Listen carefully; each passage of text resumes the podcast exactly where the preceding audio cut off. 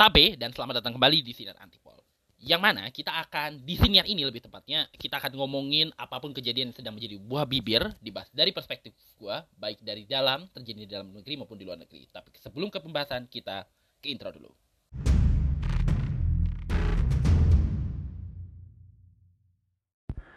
gue tuh bingung mau ngomongin apa ya uh, dalam menutup tahun 2023 ini. Tapi gue tuh belakangan itu nih suka kepikiran sesuatu gitu. Apa yang terjadi tentang apa yang terjadi di masa depan. Apa yang akan berlangsung mungkin sama diri gue, sama mungkin keluarga gue gitu, ataupun dalam kehidupan lingkungan sekitar gitu. Termasuk ketika kita uh, menghadapi kontesta, uh, di mana kita memasuki zaman ketika komunikasi menjadi sangat tidak ada batasnya gitu ya. TikTok ya semakin jadi preferensi gitu ya. Bahkan jadi sumber informasi gitu ya. Walaupun kadang-kadang informasi yang datang itu juga bukan nggak selalu 100% faktual juga. Kadang-kadang uh, berupa asumsi yang lalu diviralkan. Ditambah lagi dengan sekarang munculnya AI kecerdasan buatan. Si AI ini uh, kayak apa ya kita mencoba mengkontemplasi gitu ya apa yang jadi pertanyaan kita dijawab sama dia ada dalam bentuk kayak chat GPT ya yang like sempet rame juga. Termasuk juga penggunaan AI dalam bentuk seni foto seni uh, grafis. Kan sempet rame itu ya uh, ada satu foto foto kayak gue gak tahu ini foto atau gimana. Ada orang uh, menggambarkan suasana Jakarta yang kalau semisalnya tenggelam terus itu viral banget menurut gue kayak realis gitu. Termasuk nah ini yang menarik.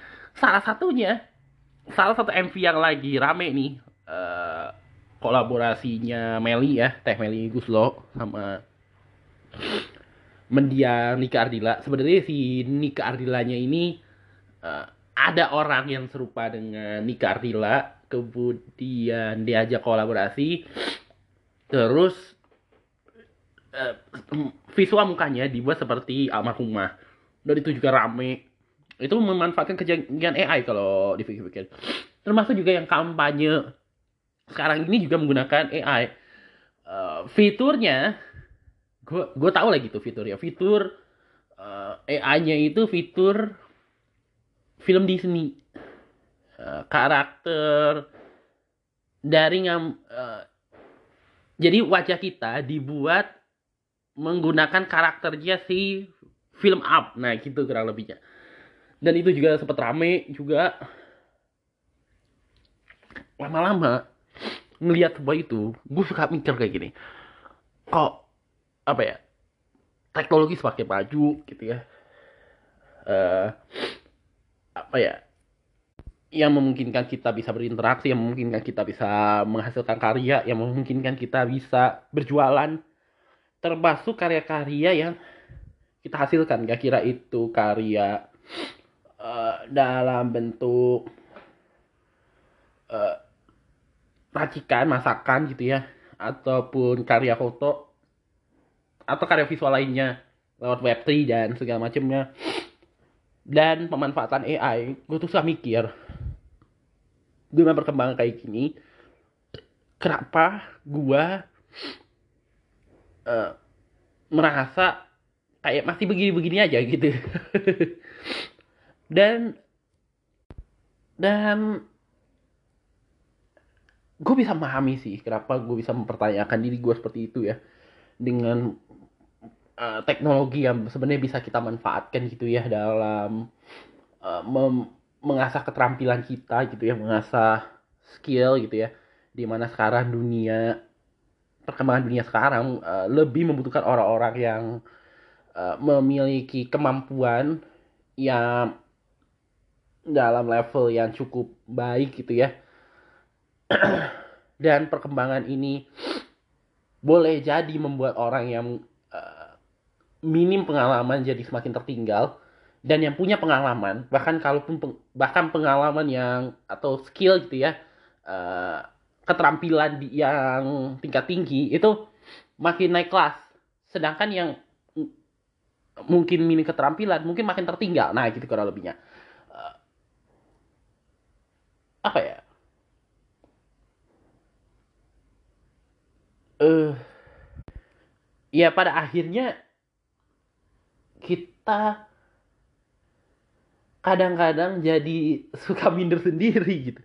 Kalau uh, ini paling dekat sama gue ya. Uh, kita kan kan JKT48 itu kan selalu bikin teater ya.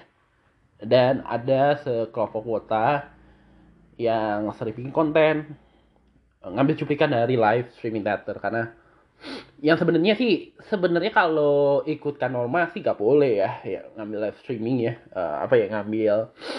Kalau secara perhitungan copyright sebenarnya gak boleh gitu ya uh, nge-share seperti itu. Tapi itu yang terjadi. Dan apa yang terjadi di teater lewat live streaming itu yang membuat orang jadi ngebicarain member. Walaupun kadang-kadang tidak dalam uh, tidak semuanya dalam konteks positif ya. Dan kadang-kadang member dengan melihat itu juga beberapa seperti apa yang mereka nggak nyaman. Nah terus gue gue kan perhatiin ya setiap dari mereka ngemsi dari mereka uh, mengembang apa ya apa yang di MC itu kan kelihatan ya bagaimana cara mereka mengkomunikasikan atau ber berpandangan, berpendapat atau bagaimana mereka membuat penonton itu ya intinya penonton jadi senang gitu deh setiap kali ada show gitu. Karena dari kan pasti ada jeda ya dari satu lagu ke lagu berikutnya. Ketika MC itu jadi penonton yang awalnya jenuh itu jadi malah ke bawah ngakak sendiri gitu. Sekalipun mungkin di akhir pertunjukannya boleh jadi misalnya ada yang ingin mengumumkan kelulusan atau sebagainya gitu ya. Dan dan semuanya menggunakan karakteristiknya sendiri. Kayak ada satu kali di salah satu show ini lucu lagi. Jadi ini ada beberapa orang lagi MC. Salah satunya ini orang memang emang suka ngebelokin gitu kayak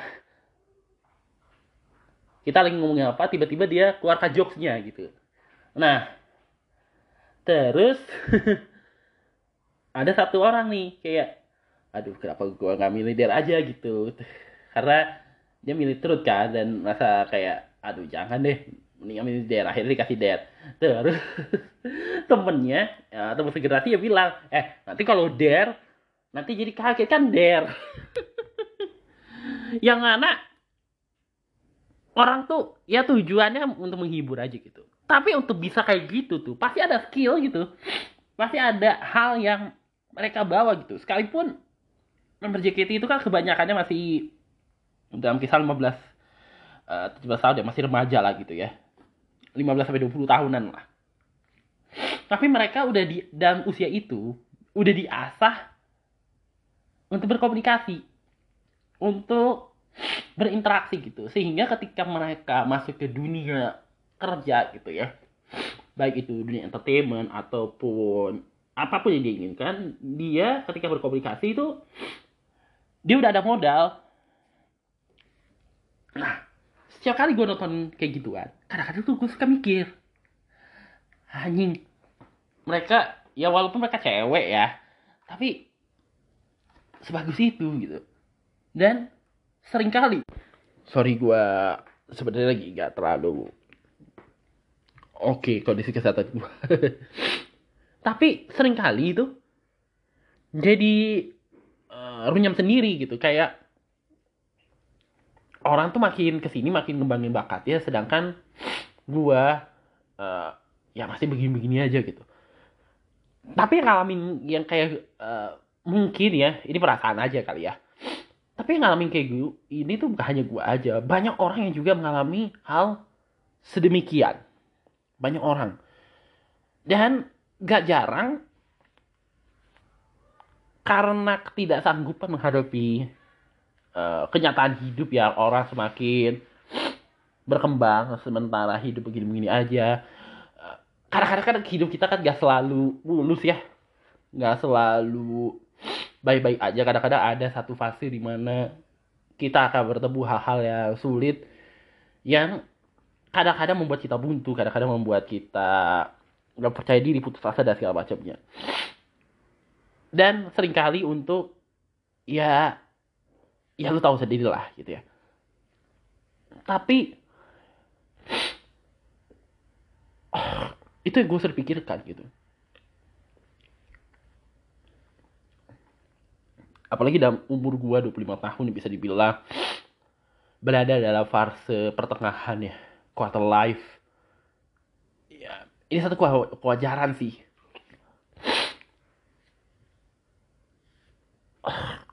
Dan gue udah mulai ngerasain gitu. Kadang-kadang proses yang kita rasakan di sekolah yang dirasakan di perkuliahan itu kadang-kadang tuh ada peran penting gitu. Walaupun memang nggak menjadi faktor utama tapi itu penting. Gue sering mikir milih-milih temen tuh kayak sesuatu yang baik-baik aja gitu sesuatu yang oke okay untuk gue karena gue nggak mau menghindari gue nggak mau ngambil resiko gitu. Tapi ngeliat temen-temen gue sekarang ada yang udah nikah ada yang udah punya kerjaan kayak masa kayak apa gue kayak egois banget ya dulu ya gitu. Di sisi lain eh, gue ngerasa kadang-kadang tuh punya kemampuan untuk berbeda gitu dalam hal penyerapan informasi dan segala macamnya yang membuat gue lebih bisa punya perspektif yang lebih baik. Itu juga kadang-kadang jadi keunggulan. Tapi setelah gue jalaninnya ternyata cuma menjamin tuh dan kadang-kadang kalau misalnya oh, orang biasa ya atau biar orang yang mungkin mengalami problem seperti ini gitu ya. Problem bahwa realita yang dihadapi tidak sama dengan apa ya diekspektasikan selama ini. Seringkali tuh suka berpikir yang uh, sebab gue nggak mau bilang berpikir sebaliknya ya. Suka mengambil kesimpulan yang boleh jadi itu terbaik untuk dia tapi merugikan untuk orang lain. Contoh paling nyata. Ada seorang polisi. Pangkatnya udah bisa dibilang pangkat yang pangkat yang cukup baik lah gitu ya. Uh, pangkat bintangnya termasuk cukup baik. Pekerjaannya baik gitu. Gak ada masalah. Tiba-tiba dia jalan keluar gitu terus dia ke arah stasiun menabrakkan diri. Kita sering denger ya. Terus ada ini juga sempat rame uh, ada uh, perempuan lah. Bisa dibilang dia pintar sangat berprestasi sangat rajin. Dia mahasiswa Eh, di sebuah universitas ternama. Tetapi ternyata kerajinan itu tidak menjamin dia bisa uh, apa ya? Dia ada satu alasan uh, yang membuat dia memutuskan membawa mobil uh, pergi ke suatu tempat membawa mobilnya Terus dia membawa satu barang, barang yang beracun yang mungkin menjadi alasan dia untuk mungkin ini jalan terakhir, jalan terbaik yang gue ambil, walaupun itu merugikan, gitu kurang lebihnya. Kadang-kadang gue kalau baca berita itu suka bingung sendiri. Orang yang udah kalau orang yang punya prestasi baik, yang punya pekerjaan baik, yang punya uh, keluarga yang uh, bisa dibilang tidak ada masalah gitu ya. Berprestasi itu sebenarnya gak menjamin juga gitu ya. Uh, hidupnya baik-baik aja. Bahkan ah, ini salah satu yang juga lagi rame uh, kebetulan lagi rame. Ada salah aktor Korea peraih uh, filmnya meraih penghargaan internasional. Karena tekanan yang dihadapin mungkin karena pergaulannya terus dia ini polanya mirip banget sama yang kasus yang Surabaya tuh yang tadi gue cerita dia parkir mobilnya terus dia buka bawa sesuatu yang ya orang yang punya titel baik, punya prestasi unggul gitu ya, aja kadang-kadang juga bisa ada potensi untuk mengakhiri hidup apalagi orang yang ya tipikal kayak gua gitu. Makanya kadang-kadang kita sering apa ya nyari alasan uh, untuk bertahan. Ketika di awal tahun, masuk ke awal tahun kita sering uh, berdoa, berharap, sering banget bikin apa sih namanya uh, resolusi, apa sih namanya uh, apa yang mau dilakukan, rencana-rencana yang akan dilakukan di tahun baru gitu ya kadang-kadang apa yang kita rencana walaupun kita tahu apa yang kita rencanakan tuh uh, akan menghadapi tantangan ketika kita menjalaninya menjalani 12 uh, eh, bulan gitu. 12 bulan uh, di tahun tersebut gitu ya. Banyak tantangannya uh, entah tantangan itu dari sisi uh, lingkaran kita, dari keluarga, dari pertemanan, atau misalnya dari keadaan uh, persekitaran, baik secara regional maupun nasional gitu ya. Uh, bahkan boleh jadi apa yang akan terjadi di 2024 ini termasuk pemilu ya mungkin akan juga banyak mempengaruhi bagaimana kita merencanakan sesuatu merencanakan apa yang akan kita lakukan untuk uh, bisa menjalani kehidupan secara lebih baik lagi di tahun baru. Dan secara agama, kewajiban untuk apa ya? Setiap hari semakin lebih baik itu dan itu nggak salah secara agama karena agama juga sering agama kita terutama agama gue ya selalu mengajarkan jadikanlah uh, hari ini jauh lebih baik dari hari kemarin dan hari esok bisa lebih baik dari hari ini gitu. Dan juga uh, gunakanlah apa sih namanya kejala duniamu seakan hidup selamanya dan kejala akhiratmu seakan kamu akan mati esok itu kan prinsip agama banget ya. Dan kadang-kadang gue suka mikir gitu.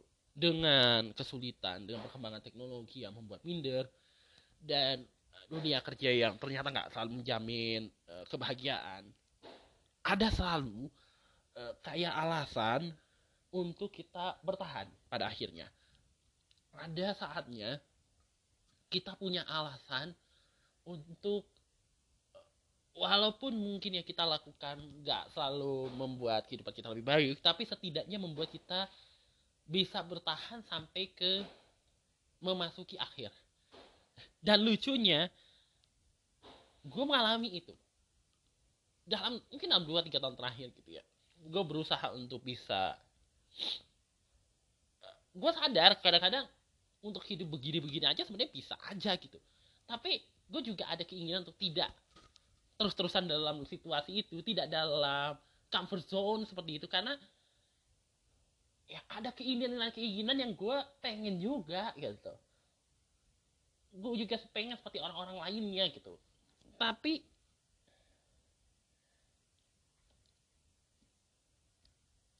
lucunya gue selalu ada alasan bertahan pada akhirnya. Dan kita semua terutama yang dengerin sinyal ini baik ya. Di akhir tahun ini selalu katakan sama diri lo bahwa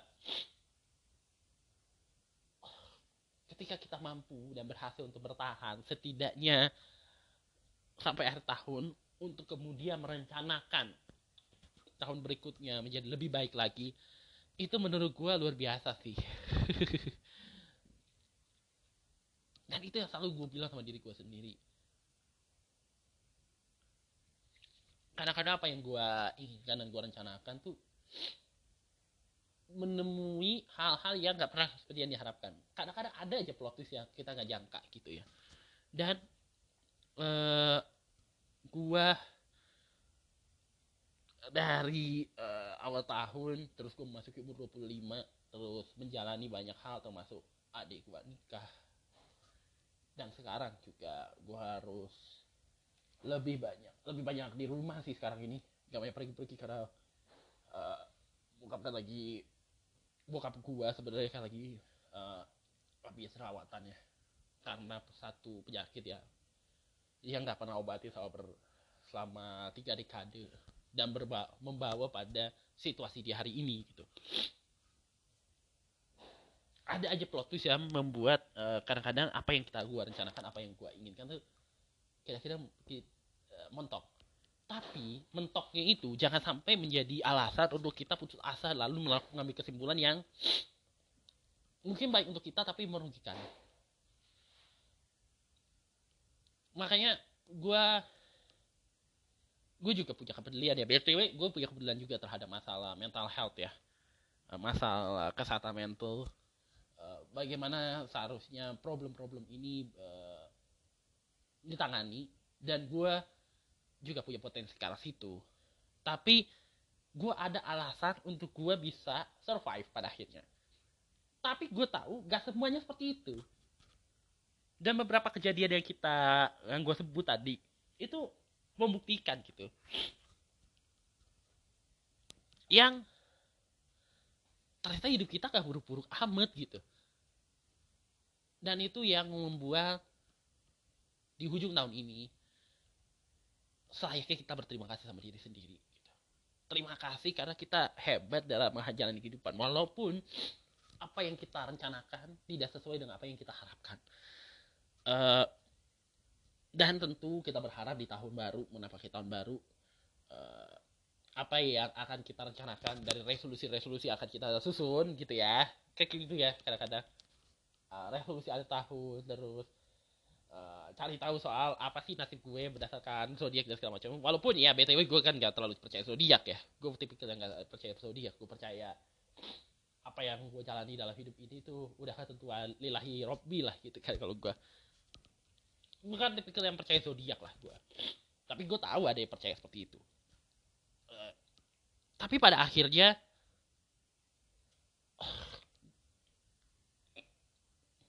hmm, uh, kita semua pasti merencanakan tapi uh, realita sang pembuat makar gitu ya istilahnya uh, gue suka bingung ya saat istilah Tuhan sama bom makan itu ya agak membingungkan untuk saat ini. Gue tahu istilah ini kan gara-gara politik ya, politik Indonesia saat ini kan, maha pembuat makar gitu kan. Padahal yang maha kuasa lah gitu istilahnya ya.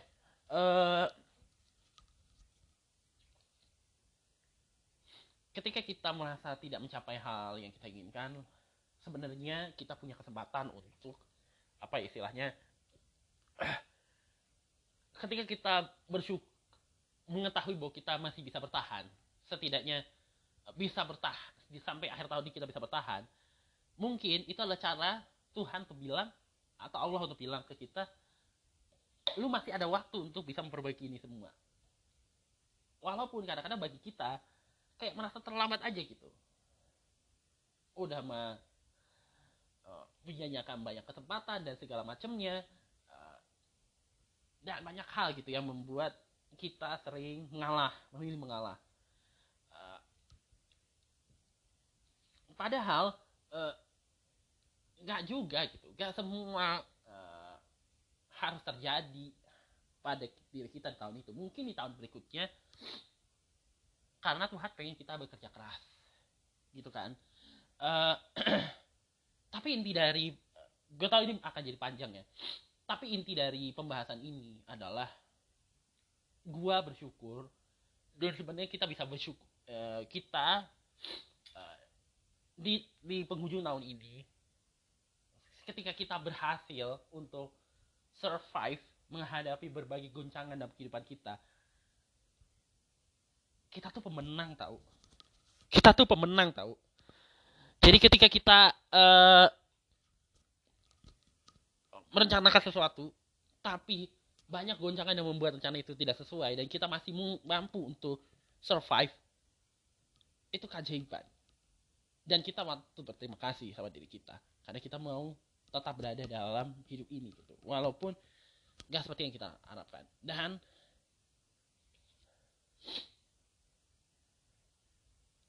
semoga di tahun baru ini uh, ya seperti apa yang gue pernah denger lagunya di beberapa tahun lalu. Ada sebuah lagu ya menurut gue cukup bagus sih.